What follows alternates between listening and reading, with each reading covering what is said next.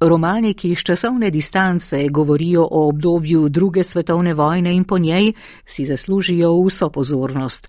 Takšen je tudi roman Lada kralja Ne bom se več drsal na Bajerju. To je pripoved o tem, kako je bilo živeti in preživeti v Ljubljani, ko so jo italijanski okupatori obdali z bodečo žico kako so skušali zatreti, odkrit ali prikrit odpor ljubljančanov in kako so na drugi strani delovali nosilci tega odpora. Avtor pri tem dokumentarno natančno in slikovito predstavlja osrednje prizorišče dogajanja, zgornjo in spodnjo Šiško z vsem, kar je tam bilo tovorno železniško postajo, centralno vinarno in skinom Šiška na Frankopanski, pivovarno Union, tovarno čevljev Kessler, hotelom Belvi, gostilno pri Kamniti mizi in predvsem z gradom Jama s parkom, bajarjem in vrtnarijo, gradom z bogato zgodovino, o kateri je pisal tudi Valvazor, gradom, ki so ga obnovile in dozidale nune ter v njem ustanovile dekliško šolo z internatom. Tako je Lado kralj zgodbo svojega romana upel v trden okvir. Znotraj njega pa vre od dogajanja. Pravzaprav zgodba ni le ena, usporedno ali prepletajoče se poteka več zgodb. Protagonisti prihajajo iz vseh slojev. Njihovo življenje obvladujeta ali boj za golo preživetje ali boj za osvoboditev medtem ko okupator na drugi strani izvaja genocid nad prebivalstvom in si poskuša kar najbolje postlati. V zgodbah romana se Lado kralj prav virtuozno poigrava z ironijo in humornostjo, ki dajeta bravcu vrljiv občutek brezbrižne lahkotnosti.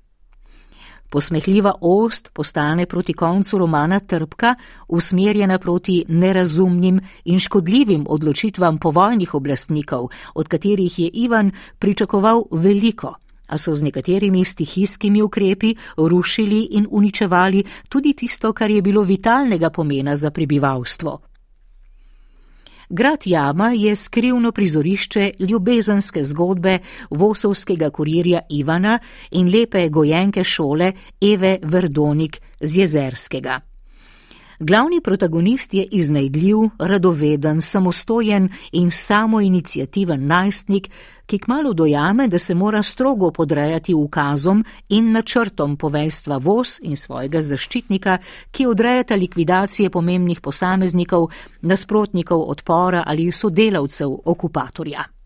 Grajski vrtovi in bajer, kjer so se poleti kopali, po zimi pa drsali, ter gostilna pri kamniti mizi, so bili zbirališča mladih, ki se tudi v vojnem času niso odrekli druženju in zabavam, vse dokler jih v to niso prisilile racije. Šele takrat je Ivan dojel, kako resna je bila prepoved zbiranja več kot desetih oseb, kako priročen izgovor je to bil, da so vse zajete, starejše od petnajstih let, ocenjeno kar na pamet, odpeljali v koncentracijski taborišči Gonars ali Rab, kjer jih je pogosto čakala smrt. Ne bom se več drsal na bajarju, si je kasneje ponavljal Ivan, prepaden od spoznanja, kako močno je ogrozil sebe in Evo, ker sta se tam dobivala.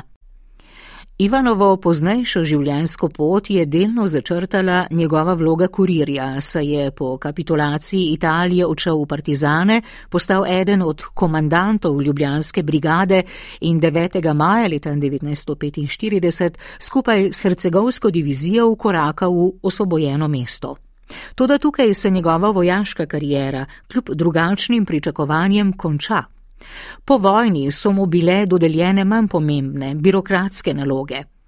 Varnostno obveščevalna služba je bila razpuščena in Ivan, nekdani Vosovec, ki je branil osvobodilno fronto in partijo, žalostno ugotavlja, partija je huda mama, lahko te kaznuje, ker je nisi obogal, lahko pa te tudi odrine, ker te nima več rada.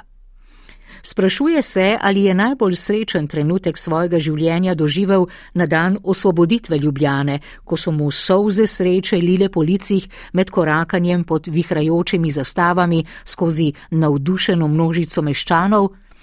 Ne, Ivan globoko v sebi ve, da bo najbolj srečen takrat, ko bo ljubljeno Evo spet stisnil v objem.